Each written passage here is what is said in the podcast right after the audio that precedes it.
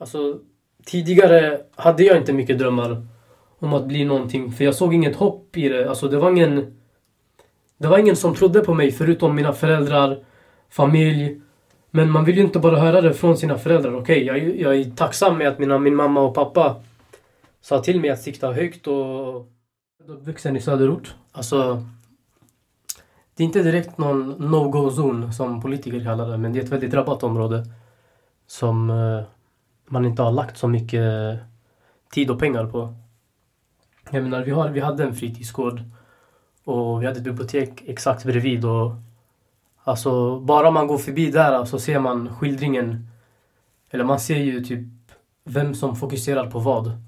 Jag menar, de som um, de som alltså pluggar och sådär, det är de som är i biblioteket och de som hamnat lite utanför är ju de i fritidsgården och liknande. Men det behöver ju inte vara så att alltså, de okunniga är i fritidsgården utan det är också mer att man hittar det sociala umgänget där.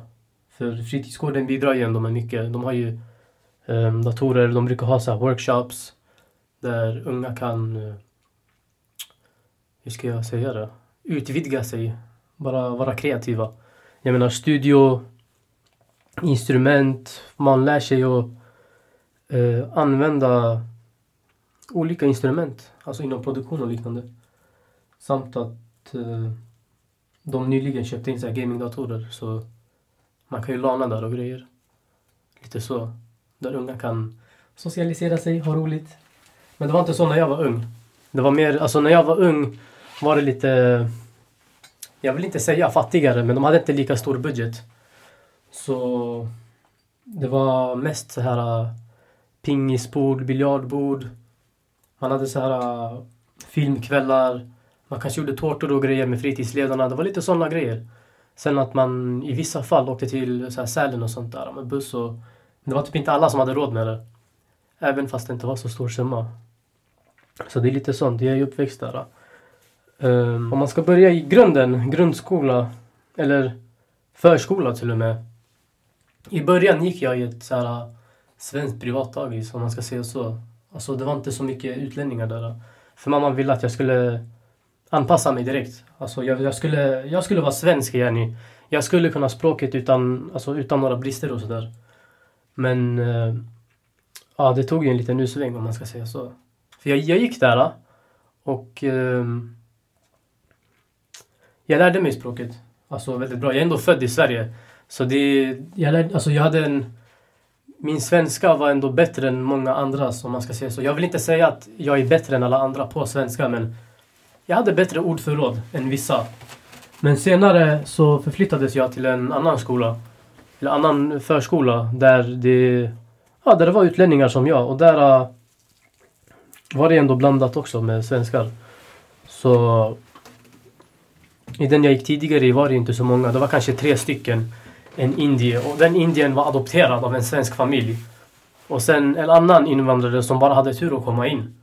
Så mamma investerade i mig i, i ung ålder faktiskt. Jag är, ändå, jag är ändå tacksam över det för det är inte många det är inte många föräldrar som uh, väljer att investera i sina barn, vilket är synd men vad ska man göra? Man gör det bästa utav Alltså man gör det bästa man kan utav det man har, om man ska säga så. Jag kan inte klandra någon. Man kan inte klandra sina föräldrar heller, de gör ju allt för en.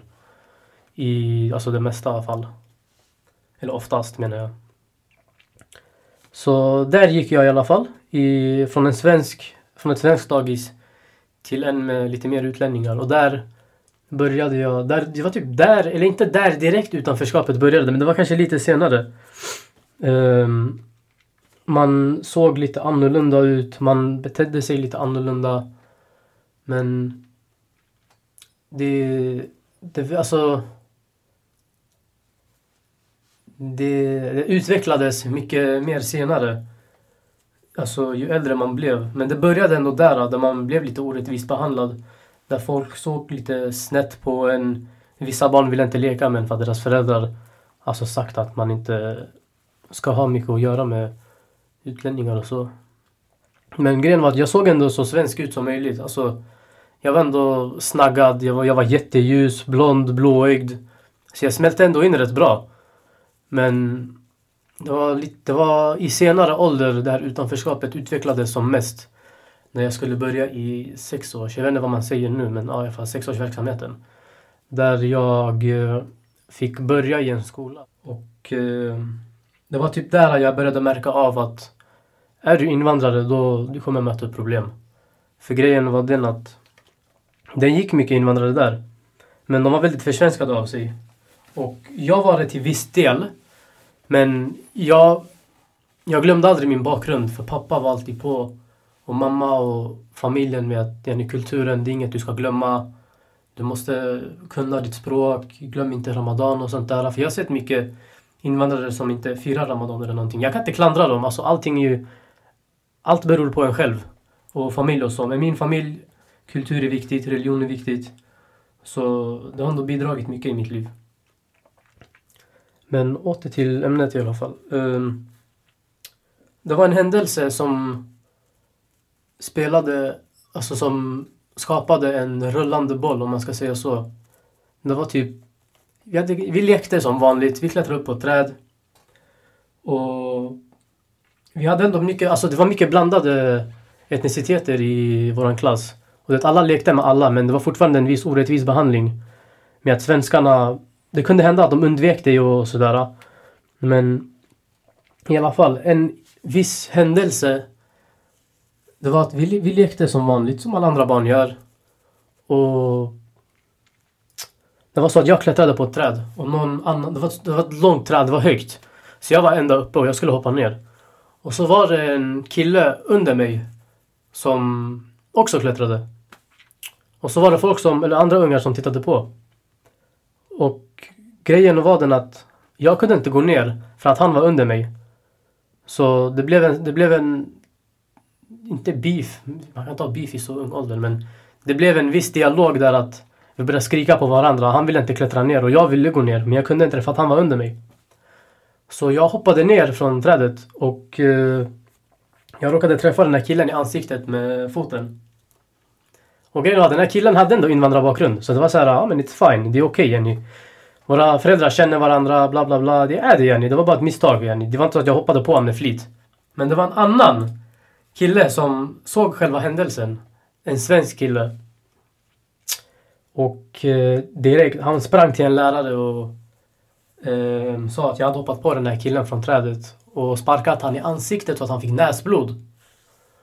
Och eh, den här läraren trodde ju på honom.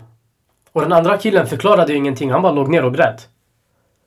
Så lärarna trodde ju på den här svenska killen. Och eh, jag fick en utskällning. Jag minns inte om mina föräldrar blev kallade. För de har... Jag tror inte att de blev kallade för skolan brukade droppa av oss med buss och sådär. Så det var ingen som plockade mig utan jag promenerade hem efter skolan efter att bussen droppade av oss. Så... Ja, jag vet inte hur eller varför. Men jag var tvungen att byta skola på grund av den händelsen. Och det var bara för att de inte trodde på mitt ord. Hade det varit en svensk då de hade fört dialog, de hade diskuterat kring det, allt hade varit frid och fröjd. Men bara för att jag med utländskt härskom, härkomst, eller bara med en utländsk bakgrund, så fick jag gats direkt. Alltså de, de droppade av mig direkt. Och jag hamnade i en skola med väldigt oengagerade lärare.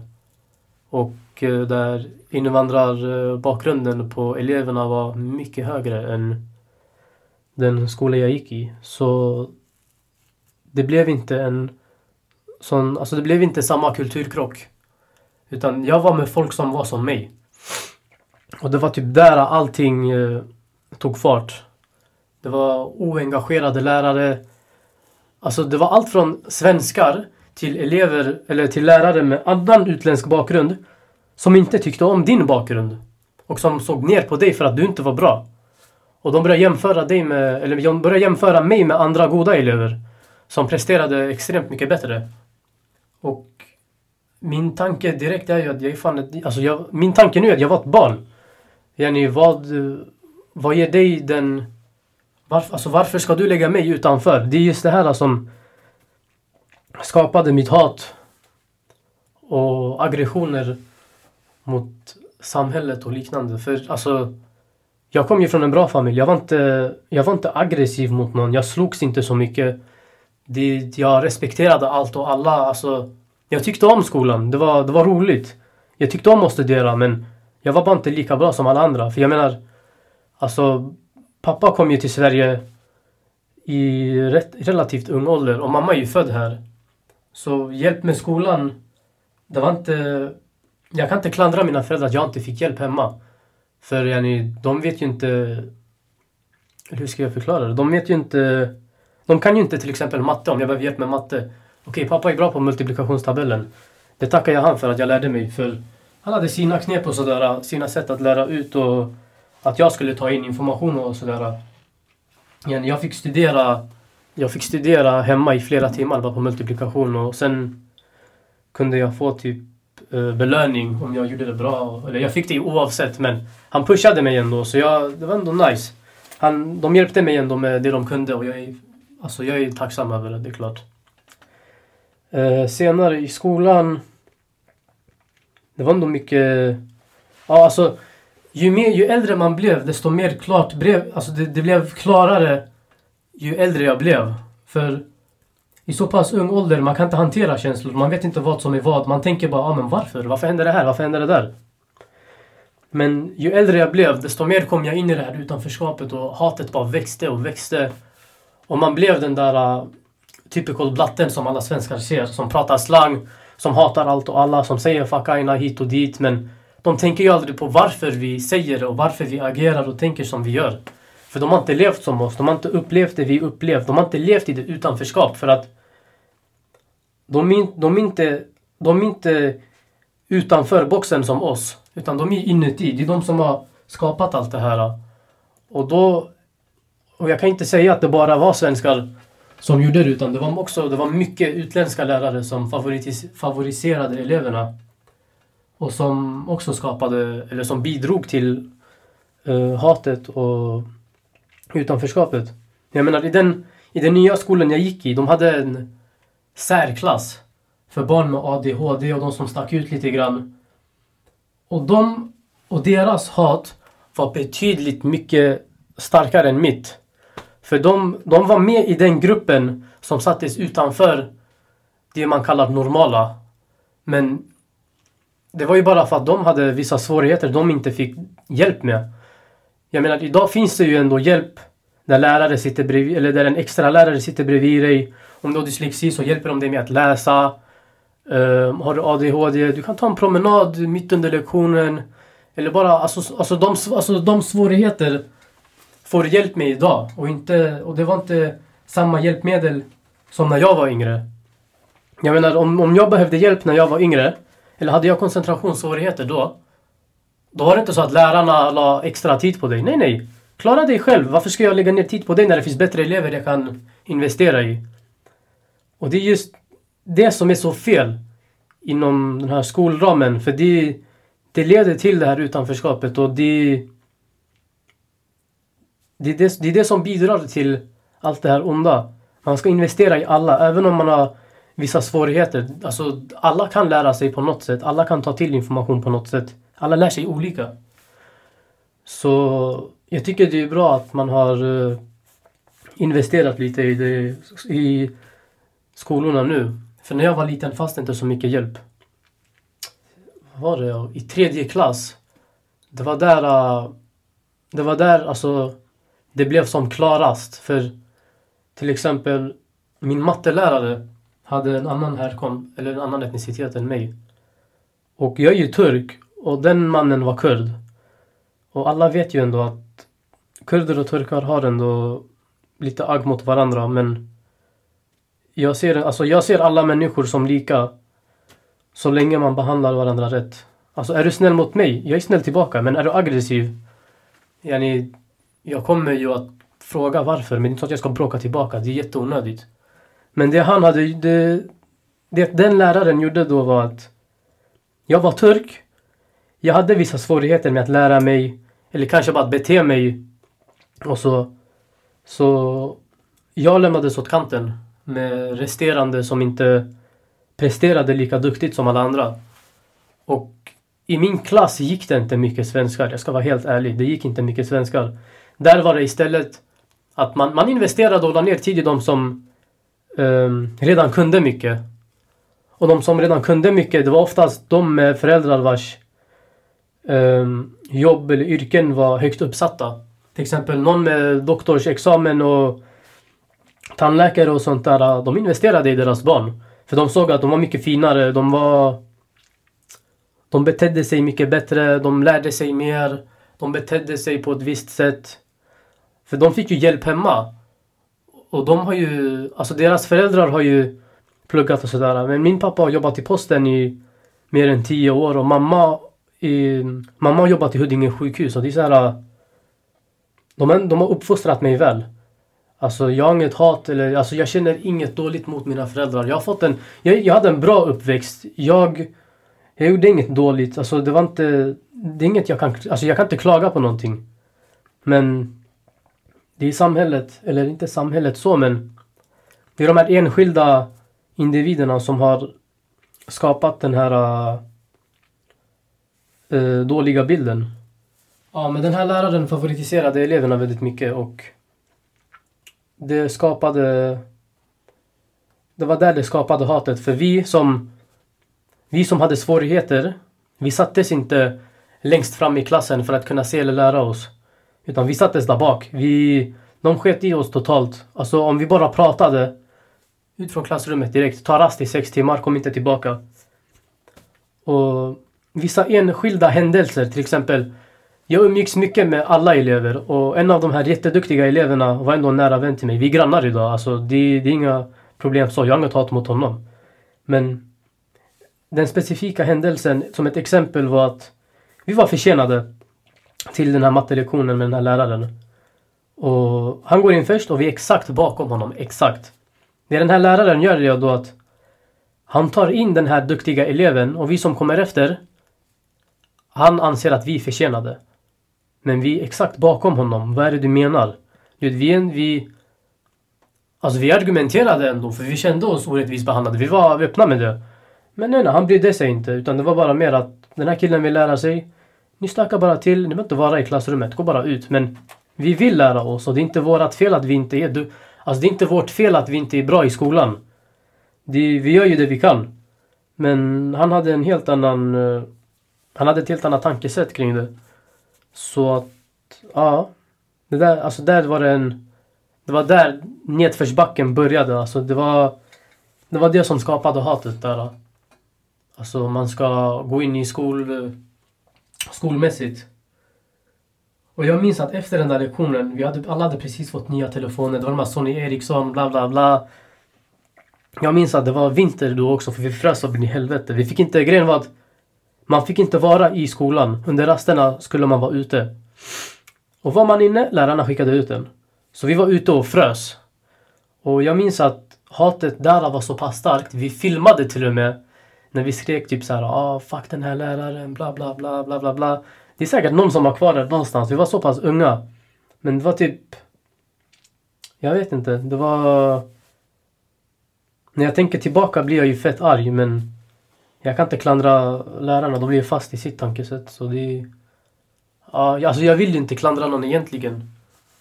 Men ja, alla, alla människor är olika. De har, de har gått igenom mycket grejer och ja, han hade väl, han hade ett så, så pass starkt hat mot mig för min ursprung och att jag inte presterade lika bra som alla andra. Samt att han har haft elever som eh, varit kusiner till mig som har varit betydligt mycket mer stökigare. Och han har väl sett en del av honom i mig men alla, alla människor beter sig olika och jag kan inte klandra min kusin heller för alla har olika energi och man vet ju inte hur man ska göra sig av med den så det, det går ut över allt, alltså, allt det vardagliga i skolan, ute, hemma. Så ja, ja så grundskolan det var där mycket, mycket började. Sen orättvis... Alltså den orättvisa behandlingen den kom ju också mycket senare. Eh, när jag gick typ såhär femman, sexan, då man kom upp till vad heter det, hög, högstadiet. Exakt, då man var bland de eh, äldre eleverna. Och det var också mycket kaos där. Alltså, alltså lärarna, de tröttnade på en väldigt fort och det, ja, de investerade inte i en, men det var survival of the fittest om man ska säga så. Alla fick klara sig själva. Så de som hade föräldrar med god utbildning, det var oftast de som gjorde bra ifrån sig. Men idag är det ju inte så, utan jag har sett människor från riktiga så här miseria bakgrund få doktorsexamen, de har blivit alltså, läkare, advokater, tandläkare. Bara för att yani, visa världen att även om man har en dålig bakgrund så kan man ändå göra någonting. Och shoutout till dem alltså. Shoutout till alla som har haft det tufft men ändå gjort det bästa utav situationen. Helt rätt. Man motbevisar samhället att alltså deras syn på oss invandrare inte är alltså så som de tror. För alla tror ju att alla här är bidragstagande, bla bla bla. Min familj har aldrig levt på bidrag. Vi har aldrig behövt, vi har aldrig behövt det. Jag menar, min mamma kastade sopor i sjukhuset och pappa jobbade natt i posten. Så det, de har köttat på bara, bara för att jag och min syster ska ha det bra. Så det, det är lite så. Sen... Eh, sen är det ju också så att det fanns få, det fanns väldigt, väldigt få lärare som ändå trodde på en. Och de har jag att tacka för jättemycket. För under föräldramötena var det oftast negativa kommentarer men det var ändå vissa lärare som såg något i mig. Och de där små detaljerna det har betytt så mycket under min uppväxt och sådär. För om du bara är... Om man bara växer upp med negativitet, det är klart man blir negativ. Och jag var det ändå ett tag. Jag hade inget hopp på samhället. Jag, eh, ja, den här specifika läraren, Ingela, från min skola. Jag minns att under ett föräldramöte så hade hon eh, sagt att hon tror på mig väldigt mycket och mamma var ju där också. Den här gången var det inte pappa som var på föräldramötet utan det var morsan. Varje gång pappa var med då var det den här uh, idiotläraren som uh, inte tyckte om mig. Då det var alltid negativa kommentarer. Och farsan blev fett lack då. Men ja, jag gjorde ändå någonting utav det. Men i alla fall, den här läraren hon, hon tog med de dåliga delarna. Till exempel att ah, jag effade på det här, han kan inte bete sig. Men hon formulerade det på ett sätt som ändå var barnvänligt om man ska säga så. Utan det lät bra. Det var inte så här, ja ah, men din son, han gör inte det här, han gör inte det där, han beter sig dåligt. Det var, det var mer att, ja ah, han har mycket energi men vi ska komma på ett sätt där vi kan, uh, där vi kan få han att um, slösa den eller få ut det på ett bra sätt. Alltså hon pratade fint. Även om det var dåligt. Hon försökte hon försökte att um, få det att låta bra. Och jag är väldigt tacksam över det. För hon hade sagt specifikt att det finns en framtid för dig. Alltså, du kommer göra mycket gott. Hon, hon formulerade sig något på det sättet. Och än idag använder min mamma det där. Hon säger än idag, idag är jag 22 och hon, hon använder det fortfarande. Hon sa, hon bara i tidig ålder så tyckte Ingela att du... Hon såg något i dig. Hon bara, du kommer bli något stort sådär. Och mamma använder det än idag, vad jag än gör. Hon bara, i tidig ålder såg vissa lärare ändå... De såg inte ner på dig, de såg upp till dig. De sa att du kunde bli någonting. Sen hon sa, hon bara, om, om en lärare säger något sånt i tidig ålder, då det måste vara någonting. Du är speciell. Så än idag använder mamma det där. Och det är ändå, det är ändå något som glädjer mig. För det är inte många lärare som har gjort en impact i mitt liv. Men den här läraren Ingela, hon, jag har mycket att tacka för faktiskt. Jag hade ett hat mot henne tidigare när jag var bebek. Bara för att Jenny hon var så här sträng och sådär. Men hon var inte sträng för att vara sträng utan hon var sträng för att hon ville att vi skulle lära oss. Hon ville att vi skulle ta del av det hon säger. Hon delade med sig av mycket. Och hon ville höra vad vi sa också. Hon kunde säga typ, ah, men vad drömmer ni om? Vad vill ni bli? Vad vill ni, vad vill ni bli? Fram, alltså, vad vill ni göra med ert liv? Sikta högt. Alltså hon såg ändå hopp i oss. Och att bara en lärare ser hopp i dig det kan göra stor skillnad. Alltså det, den skillnaden, den impacten den gör i dig. Att du tror att du vet att det är någon som tror på dig, att det är någon som vet att du kan göra något mer utav ditt liv, att du kan sikta högre än vad du gör vanligtvis. Det, det tar, alltså det, man... Alltså man... Eh, man ser en framtid då. Man kan, alltså man, man tänker 12 steg framåt och inte bara två. Sen fanns det lite, ja, när jag kom upp till kanske det här var ju typ fyran, Ingela. Men när jag väl kom upp till sexan och sådär. Då var det ju inte lika engagerade lärare. Men då... Jag gjorde min grej bara. Jag sket i vad lärarna sa. För jag, hade ändå, jag visste ändå vad de sa och vad de tyckte. Så jag slutade bry mig. Och... Alltså... Sättet de lärde ut på var ju inte direkt världens bästa utan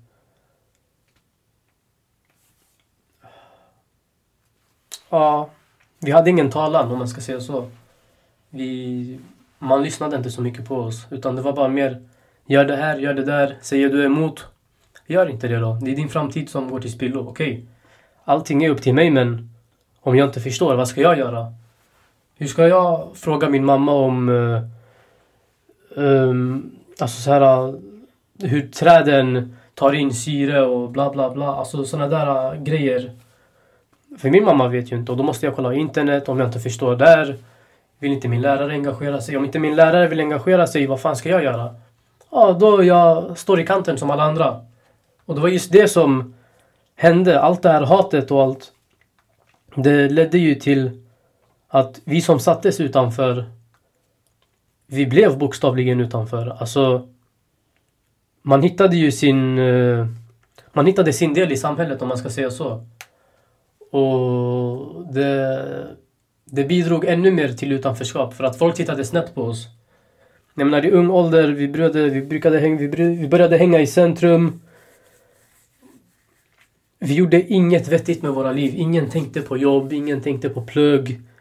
Man, man började komma in i de lite tyngre kretsarna redan i tidig ålder för att därifrån så var det ändå många som sysslade med fel saker om man ska säga så. Eh, och jag kom in i det väldigt tidigt. Jag har glömt en del också. Det var ändå mycket mobbning i, i det, grundskolan och sådär. Och lärarna var jätteoengagerade för mobbningen. Alltså de brydde sig inte överhuvudtaget. Det var, det var mer att yani, ja men ni skakar hand och säger förlåt. Men det, det visar bara att ni inte är seriösa med någonting. Ni vill inte, alltså de vill inte, de vill inte lösa det. De vill inte gå in på djupet. Och reda ut vad problemet var. Det var bara mer att säg bara förlåt, skaka hand. Så är det lugnt. Men det är inte så. Utan det... Mobbning, det, det drar ner en väldigt mycket. Man ham, alltså, jag har sett många som fortfarande som har depression i hög ålder nu. Bara för att de varit mobbade när de var små. Och det har skapat en osäkerhet i dem. Med att ingen typ lyssnar, att det inte är någon som bryr sig. Att, alltså de har fått komplex över dem själva. Och,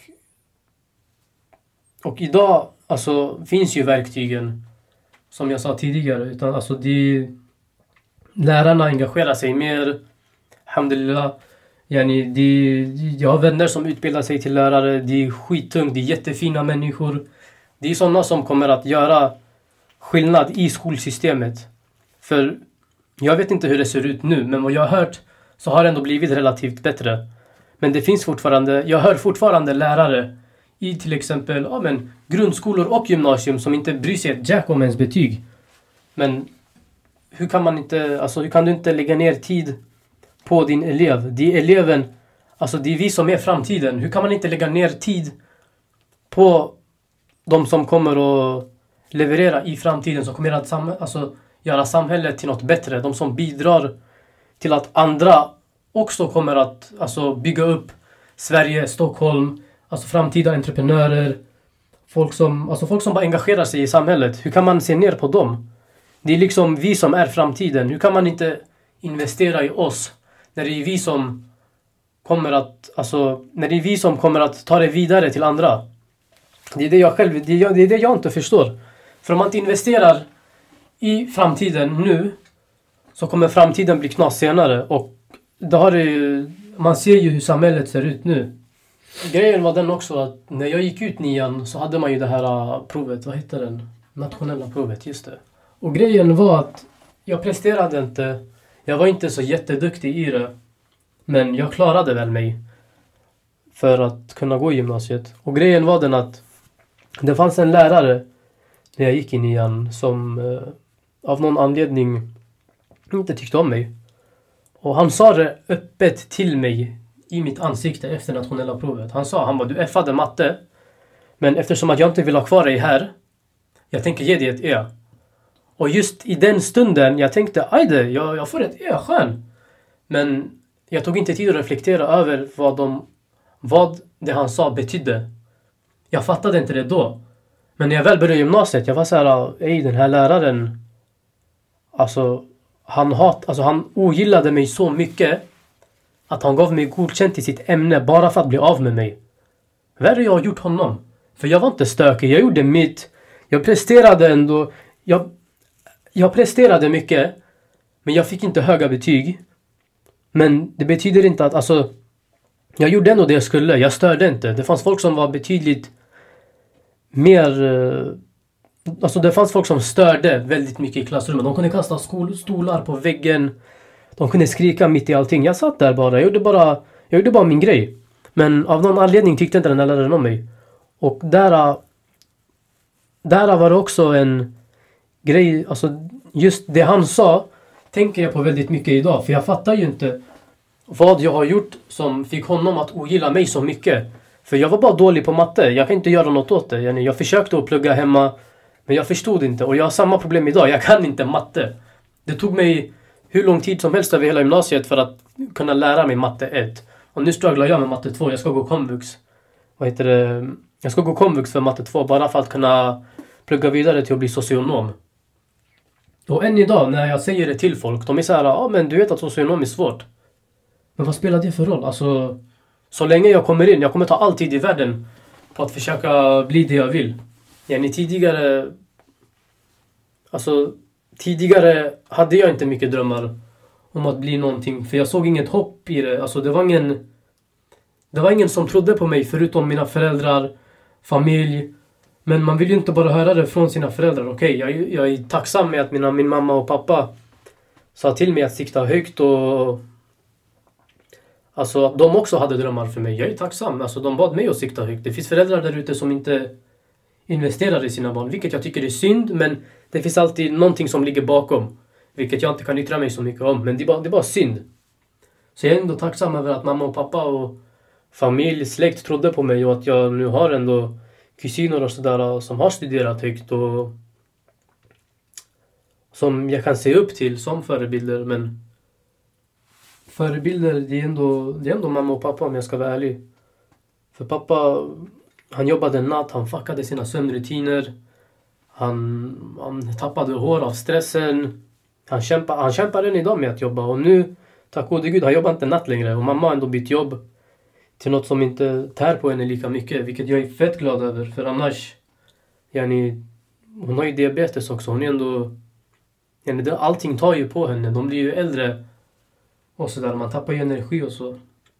Men jag är ändå glad. Min mamma och pappa, det är, de är mina förebilder främst. För att de har ändå visat att man kan bli någonting. Du lever i Sverige, de har haft det där samtalet med mig hundra gånger. Och när jag var yngre, man fattade ju inte det då. Yani, ja, jag bor i Sverige, adi. Yani, jag pluggar när jag vill, bla bla bla. Men nu jag är 22 år gammal. Jag borde... Jag borde börjat redan när jag var 18, 19 sådär. Men nu, kolla mig nu yani. Jag letar efter jobb. Eller jag har dubbla anställningar nu men man får inte jobba på grund av Corona. Samt utöver det, yani, någon med invandrarbakgrund och ett jättekrävt namn. Alltså det är så svårt att få jobb. Så yani, shoutout till folk där ute. Om ni inte... Yani, folk med utländska namn och inte får jobb, I feel you alltså. Det, den där är galen, det är svårt. Man får ta tag i det där. Så att, eh, ja. Mycket med föräldrarna. Ehm, ja, med åren, yani, jag hamnade i de här kretsarna där folk ändå kände sig utanför. Och det ledde ju till att man... Man var, alltså det umgänget man var i, det var det man var tryggt i. För att det var det alla kände, alla kände sig bekväma med varandra. För alla hade samma, inte samma ursprung, eller inte, inte, etnicitetssätt, eller etniskt sätt, men alltså sättet vi blivit behandlade på. Det var vi som var utanför. Vi representerade de som inte fick vara med. Och det var, det, var mycket, det var det hatet som fick oss att säga fuck aina. Det var det som fick oss att se ner på svenskar och samhället i helhet. Alltså skolan, allting. Det finns folk som... Jag känner folk som har hoppat av skolan redan i åttonde klass och bara varit på gatan istället. Och de har gjort sitt yani. Och jag kan inte klandra dem heller. För lever man utanför, de har, man vill inte vara med. Jag ville själv inte det men tack vare mamma och pappa fick jag ändå... Alltså jag gick ändå ut skolan, jag tog studenten. Och det är allt tack vare dem faktiskt. För yani, hade inte de varit engagerade i mig så hade inte någon annan kanske varit det. Kanske lärare och sådär. Men det är hemmet som spelar mest roll. När man, varit i det här, när man är i det här gatustadiet så ändras den här delen med förebilder. För man ser äldre människor med... Man, man ser folk med mycket pengar. Man ser folk med fina bilar, feta klockor. Men jag vill inte... Jag vill inte hysa agg mot någon eller se ner på någon. Men allt det där, det är en, det är en fasad bara. För bakom allt det där, det ligger så mycket mer. Det är ångest, det är misär. Det är paranoia. Alltså det är hamnar man i det där, då det, alltså hamnar man i, den, i de kretsarna, det är ändå svårt att ta sig ur för att det är det som det är det som spelar roll för en om man ska säga så. Alltså det är, det, det är där man är. Man, kan, man har inte sett något utanför det. Och vissa, de har tur, de flyttar, de flyttar därifrån. Och jag hade den turen. Yani, I 14 års, 15 års ålder så flyttade jag ändå därifrån. Och uh, hittade nytt umgänge. Och det var... Grejen är också att man känner sig bekväm i den här uh, sortens... I den här sortens uh, umgänge. Så att man fattar inte att...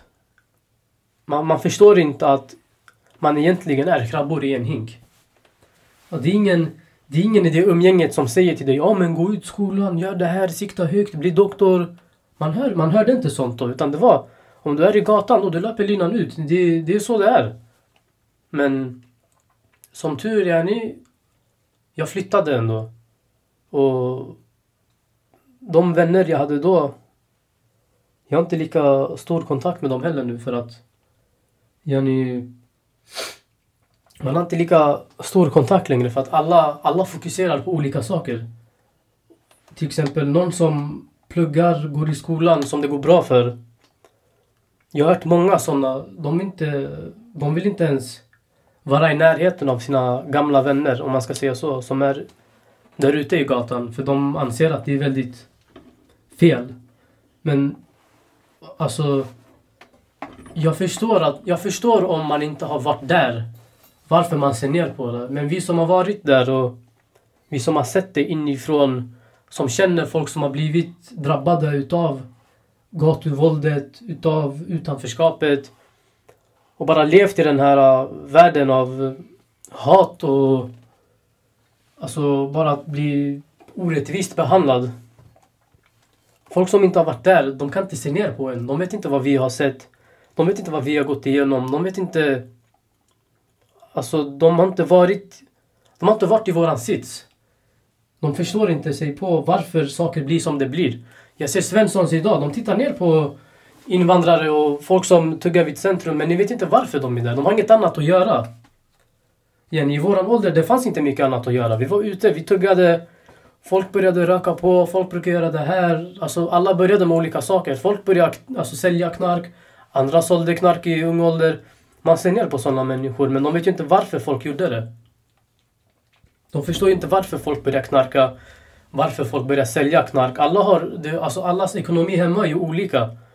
Så jag känner, alltså jag känner till, eller jag känner folk som bidrar med att betala räkningarna med att sälja knark. Och jag ser inget, jag ser inte ner på någon för alla har, alla, folk har flytt från krig, folks föräldrar får inte jobb.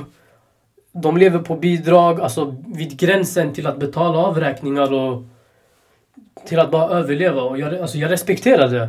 Man, man, man gör det man kan för att överleva och må bra.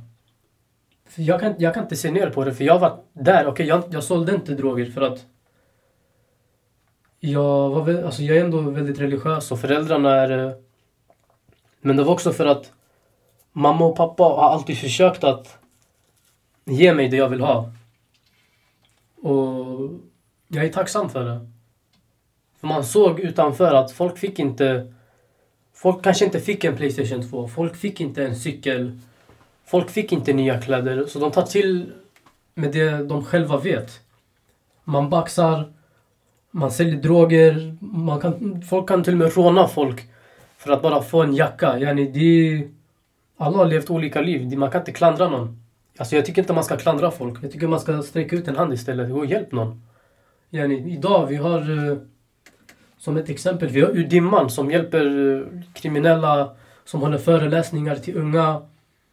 Och det, jag känner inte till så många som försöker att förebygga kriminaliteten så som Udimman gör. Han, alltså han, det, han pratar sanning. Alltså ur ett...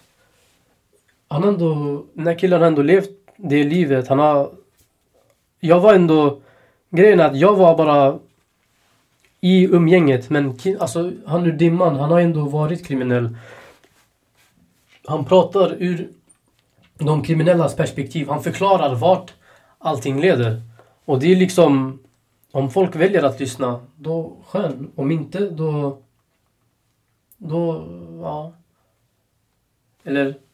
Och grejen är också att han pratar ju inte bara till kriminella utan det är också till unga som är på väg till fel väg som inte har mycket annat för sig än att vara ute och tugga. Han förklarar vart det leder och vad som händer, varför det händer, att det inte är en rätt väg att gå. Sen har vi ju artister nu som också förklarar att, eller typ, hur ska jag säga, till exempel eh, vissa artister som från Tensta och sådär. Mycket från Västerort där de säger att kriminalitet, det är ingen bra väg. Alltså det, det leder ingenstans. Och unga nu för tiden, de lyssnar ju ändå på artister. Så jag tycker att det är fint ändå att man, eh, att man börjar ta till med att nämna i låtar att det är ingen bra väg att gå och sådär. För yani, nowadays, musiken, det är den som talar till unga. Yani, om, man, om man frågar en unge, vad vill du bli? Ja, men vill du bli doktor? Nej. Vill du bli advokat? Nej. Vad vill du bli? Jag vill bli rappare. Okej, okay, vad vill du rappa om? Gatan? Och då, man är i ruta ett igen. Yani, det finns så mycket annat man kan göra. Och grejen var också att under min uppväxt, jag nämnde att mina föräldrar investerade i mig väldigt mycket. Och det är också delvis för att jag skulle hålla mig borta från gatan, från punderiet, från det dåliga sällskapet. Och, då, och de gjorde det ändå i form av att yani, jag spelade fotboll. Min pappa tog in mig i uh, Djurgården med en väldigt nära vän. Och grejen var att det var mycket träningar och så under helger och pappa den tiden pappa jobbade väldigt mycket och han, eh, han jobbade under vardagar i posten och under helger med en restaurang, grill. Så pappa jobbade väldigt ofta men ändå så försökte han att yani, han kom till mina matcher och han engagerade sig när jag fick priser. Han hypade upp mig. Yani, jag, jag var glad. Och jag åkte ju dit med en vän vars pappa skjutsade oss till träningarna hela tiden. Och jag är ändå tacksam. Och yani, det, var ändå, det är ändå fint att ta med mig och sådär. För min pappa ändå jobbade. Jag är väldigt tacksam. Samt att yani, man hade bara någonting att göra. Yani. Det, man, man gick till träningar, man hade matcher. Och utanför träningarna, man ville träna ute till och med, alltså med vänner och sådär. Så det, ledde, alltså det hade ändå något gott. Det bidrog ändå till någonting man kunde göra i fritiden också. Yani. Och inte bara i själva laget. Yani utanför. Man gick och tränade med vänner, spelade fotboll, bla bla bla. Alltså det... Jag gillade det. Men jag la av på grund av skolan och sådär. Och samtidigt som fotbollen så simmade jag väldigt mycket också. Och grejen med simningen var att skolan kom i vägen. Och jag hade blivit så pass bra i simningen att jag skulle typ börja träna. Eller det är i alla fall lärarna då sa. Men farsan tyckte annat. Jenny, det var mer att du ska fokusera på skolan. Det är bättre så. Så jag droppade av simningen och fotbollen för skolan. Och skolan, det gick som det gick. Jag gjorde min grej. Försökte alltid mitt bästa. Men det var inte många som... Det var inte många som tyckte att jag var eller att jag presterade tillräckligt mycket för att man skulle lägga ner tid på mig. Så det ena ledde ju till det andra.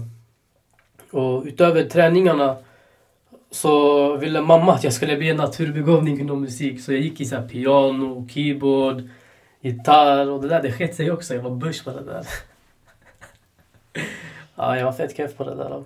Men det var ändå roligt. Ja. Jag fick någonting att göra. Yani, jag lärde mig smått. Yani, så det är ändå... Ja.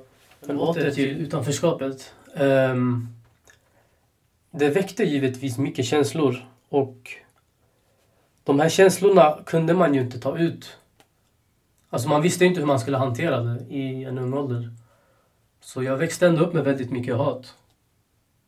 Och mycket aggressioner. Det var inte, det var inte så att jag visade det när jag var yngre men det, det kom, alltså allt kom ju ut nu när jag blev äldre. När jag var, fan var det? 14, när vid, vid 14-16 års åldern så hamnade jag ändå i en väldigt djup ångest för att jag kände mig ändå väldigt utanför och jag mådde dåligt och det var inget jag visade för folk. Yani, är du i en, är du i ett umgänge med bara grabbar, då det är inte normaliserat att man visar känslor. Det är inte, man visar inte att man mår dåligt. Det, det är inte... Det är inte grabbigt om man ska säga så. Men nu med åldern, när man blivit äldre och bytt umgänge till folk som ändå är lik en själv på vissa sätt. Då, är ändå, då kan man prata hur man vill. Alltså det, man kan prata känslor och de tittar ju på en. Mår du dåligt bror? Vad tänker du på? Kan vi göra något åt det? Jenny, man är ändå väldigt öppen med det. Men den tiden, det var inte känslor och sånt. Det var tabu alltså. Man pratade inte mycket om det. Samt att man följde samhällsnormerna då också. Man uttryckte sig väldigt homofobiskt. Väldigt fult mot till exempel kvinnor. Och det är något jag lärt mig idag att Jenny, man ska inte se ner på någon oavsett Mm. Yani, det är inget... Men alltså det är, det är just det som skapar utanförskapet. Yani. Jag bidrog ju själv till utanförskapet i ung ålder utan att veta om det. Yani. Såg man någon som, såg man någon som stack ut lite, då man skrek typ ah jävla bög, jag vet inte vad. Men nu, alltså, eller nu och nu, alltså när jag blev runt 18-19 där, det var där jag insåg igen, jag kan inte, man kan inte uttrycka sig sådär. Alla människor är ju olika. Det är, är skitfel. Så yani, jag bidrog själv till utanförskapet för andra. Och det var bara för att jag tänkte, eller jag agerade och tänkte så som de i mitt umgänge gjorde. Så, ja. Jag är själv inte, alltså ingen, ingen är perfekt. Det är typ så yani. Men jag vet bättre idag. Yani, jag försöker att lära andra, alltså det är inte fel att ha någon annan tro, det är inte fel att man inte ser ut som alla andra. Vill du klä dig på ett visst sätt? Fine, gör det. Uttryck dig hur du vill. Alltså, vissa uttrycker sig genom um, kläder, konst. Och jag började med det i tidig ålder för att jag inte kunde uttrycka mina känslor och prata om känslor med vem som helst. Så att jag började ju med po alltså poesin var ju den utvägen för mig.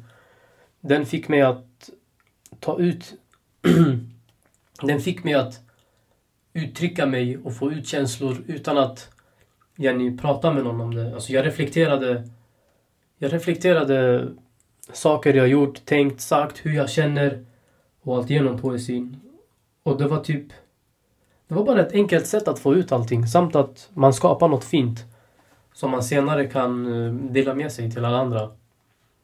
Och det fina är ju att då kan ju de relatera till dig. Och där finner man också en viss gemenskap. För förstår man varandra, har man gått igenom samma saker, då är det enklare att prata. Man kan diskutera, alltså man kan dela med sig av erfarenheter och liknande. Sin, den, den hjälpte mig ändå rätt mycket. Och grejen var ju att i så pass ung ålder umgicks jag ju ändå med folk med invandrarbakgrund. Och jag hade gått i en svensk, svensk dagis. Så i så pass ung ålder jag var ändå bra på att skriva för jag Jag har varit i... Alltså min... Mitt ordförråd var väldigt bra. Jag läste mycket böcker då också. Jag såg mycket på film. Jag var mycket på internet. Jag spelade mycket. Alltså min engelska, den var...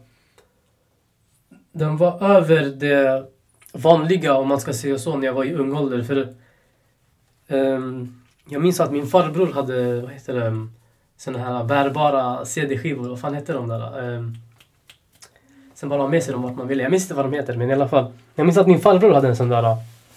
Så jag hade tagit den en dag och baxat massa skivor från honom. Och bara gömde allt hemma. Och jag minns att jag var väldigt ung. Jag var kanske 7, 8, 9 bast någonstans där. Eh. Vi gick väldigt mycket till dem. Så jag baxade den här CD-grejen. Jag la den i min ficka och allting. Så jag tjollade några skivor. Sen när jag kom hem, jag lyssnade igenom. Om det var Michael Jackson. Så jag lyssnade igenom de här låtarna. Alltså det var, det var on repeat. Jag fattade inte vad det var. Men jag lärde mig ändå musiken och sådär. Sen senare i skolan, min engelska utvecklades väldigt bra. För min, mina engelska lärare var ändå bra. Yani, de, kunde, de förklarade och lärde oss väldigt simpelt. Så att man hade, man hade lätt för sig att lära sig. För de kunde sin grej. Och i och med att jag lär mig mm, att engelska från skolan så förstår jag musiken. Och då lär jag mig från musiken också. Och det var där... Eh, det var där jag började lära mig engelska och bara kunna uttrycka mig. Alltså, alltså kunna... Eh, ja, bara lära, alltså lära mig engelska och utveckla mina vokabulär och sådär. För det ledde ju till att jag själv började bli musikintresserad och musiken har ändå spelat stor roll för mig. Då det finns mycket artister som eh, pratar om det sättet vi, eller som pratar om där vi har varit och om det vi har upplevt och sånt vi sett, gjort och allt annat. Så som... Eh, så ja, musiken, ändå spel, musiken, poesin och allt det där har spelat stor roll för att man kan ventilera sig och så. Hur har utanförskapet format mig? Alltså, den har gjort mig kritisk mot... Alltså jag, blivit samhäll, jag blev samhällskritisk. Jag hatade allt och alla. Men idag förstår jag varför och hur och att jag kunde bearbeta det mycket lättare när jag var yngre. Alltså, hur ska jag, hur ska jag förklara det? det alltså idag så är jag inte lika hatisk längre. Okej, okay, jag tog ut hatet på folk när jag var yngre. Jag kunde, jag kunde slåss mot svenskar. Jag kunde om någon med, vad heter det, det är den här jävla frisyren. Man har, när folk med mittbena gick förbi med en jävla Morris-tröja. Jag kunde skrika typ jävla svenne, stick härifrån, bla bla bla. Men idag, jag ser inte ner på folk. Yani, idag, de vill bli som oss. Det är det som är så fucked up. Idag vill folk bli som oss. Och vi... Jag har till och med skrivit poesi om det här. Vi trodde vi gjorde något fel när vi var yngre. Men nu har vårt beteende blivit normaliserat. Svennar vill bli som oss. Vi lever i det. Alltså jag, är fett, jag blir fett arg när jag, när jag pratar om det här. När vi hade det beteendet, det var ingen som tyckte att det var roligt. Folk såg ner på oss. Om jag gör det han gör nu, eller jag gör ju det vanligtvis också. Det är så jag pratar egentligen. Det är så jag beter mig. Det, det är så mina vänner, alla är uppväxta. När vi gör sånt där, folk ser ner på oss. När vi går runt med Adidas-kläder i stan, folk spottar åt vårt håll. När svenskar gör det, ja ah, det är trendigt. Mannen vadå trendigt? Det var vi som började med det här. Kom igen! Yani, det är så fucked up. Men kom igen bror, yani, det, det du gör, det är fel egentligen. Du smutskastar oss. Du lever och äter på det vi ser, gör och fått, alltså fått med hela livet. Du gör narr av oss och folk tycker att det, det är underhållning. Men när vi är oss själva, det är fucked up. Folk ser ner på det. Vad är... Det är så fucked up. Jag vet inte hur jag ska reagera. Jag tycker inte om det där. Men sen yani... Vi har ändå... Alltså... Det finns ändå folk med invandrarbakgrund som har en, alltså, lyckats. Vi har ju typ Philip, Philip Dickman.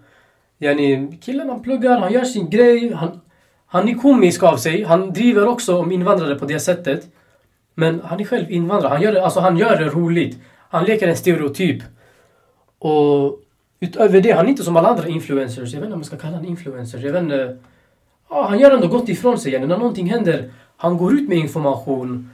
Yani, han, han gör bara gott ifrån sig. Jag gillar killen. Han är ändå nice. Alltså, han, han, han är en bra samhällskritiker om jag ska vara ärlig. Han gör ändå rätt så bra ifrån sig. Sen utöver det, yani, vi har... Vi har... Ja, sanningen, jag vet inte vilka mer som någonting händer. Då alla de här från västerort och sådär, de bidrar ändå till någonting. De lägger ut... De försöker att, jag vill inte säga utbilda människor, men de försöker informera människor ändå med det här. Och jag är ändå tacksam. För yani... Jämför jag nu med då, jag hade inte många människor. Det fanns inte så mycket människor som var engagerade. Men nu till exempel, folk de tar in, alltså om en ska äta, alla ska äta. Och jag har ändå bytt vänkretsar. Alltså jag har ändå bytt vänner så mycket och det är inte mina vänners fel. Utan det, det, det är inte någons fel. Det är bara mer att jag har inte känt mig... Jag vill bara, jag vill kunna gå vidare från tugget. Jag vill göra något med mitt liv. Och de vänner jag hade tidigare. eh, min vän brukade säga, alltså när vi var ute och tuggade, han sa han bara bror vad gör du här? Yani, du, du har en bra framtid framför dig. Tugga inte i centrum, du gör ingenting med ditt liv här. Han bara vi, vi är här för att det bara blev så. Han bara men du, du har, du har potential yani. Och han hade själv potential men eller han har potential. Jag älskar det, riktig broder. Det var han som en, det var han. Han var få av många vänner som lyfte upp mig. Han stöttade mig med poesin. Han ville ha med mig i studion, allting. Yani shoutout till Ken, shoutout till hans familj. Jättefina människor som supportat mig. Uh, sen idag, uh, idag har jag ändå bytt Ehm, vän, eller jag vill inte säga vänkrets, men ändå nya, jag har nya vänner idag som också bidrar med andra saker.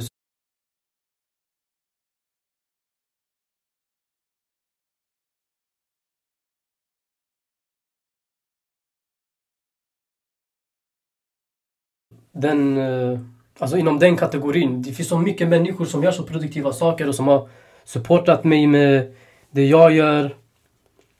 Och som bara bidragit med positiv energi och hört av sig och kollat hur man mår när man känt sig ner och sådär. Alltså, det, är mycket, det är mycket människor faktiskt. Det är mer... Med åldern märker jag att man kommer att hitta nya människor. Man kommer att...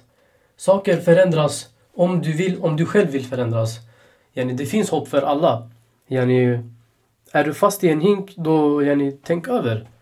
Yani, försök, att, försök att lägga ner tid på andra saker. Var produktiv. Försök hitta jobb. Det är skitsvårt. Jag har strugglat hela mitt liv med att få jobb. Men ändå, yani, jag har ändå varit, alltså jag har ändå hittat. Men det, det, kanske inte, det kanske inte är världens bästa jobb men man knyter kontakter. Yani, du kommer bort från allt det dåliga även fast... Okej, okay, jag vill inte säga att gatan är dålig. För att alla har sin historia, alla har en anledning till varför de är där. Yani, gör er grej. Jag respekterar det för yani, ingen kan klandra er bakgrund. Och ingen kan döma er. Yani, Ingen kan döma någon, för ingen vet någonting om någon. Så yani, gör er grej men försök att, försök att vara produktiva med ert liv. Yani.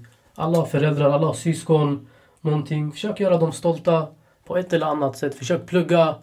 Kom ut ur, kom ut ur hinken bara. Yani, krabban-mentaliteten, den finns överallt. Den är normaliserad nu. Yani, är du med dina vänner, yani, försök göra något produktivt. Gå och spela fotboll, gå och simma. Gå till ett museum. Alltså gör, gör något bara. Gör, något, gör, något utö, gör någonting som är utöver det ordinära om man ska säga så. Yani, bryt den där vanan du har. För det finns ändå det finns ändå mycket att göra här ute. Det gäller bara att ta tag i.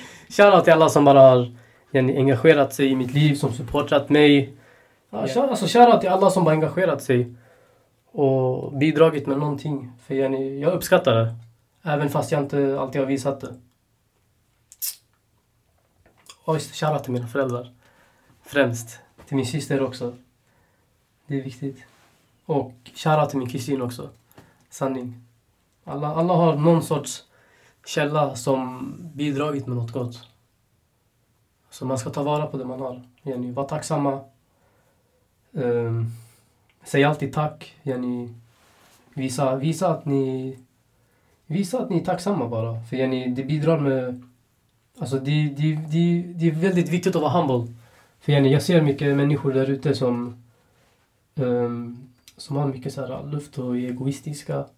Men ja... De, gör, de får göra sin grej yani. Men var alltid tacksamma. Det är viktigt.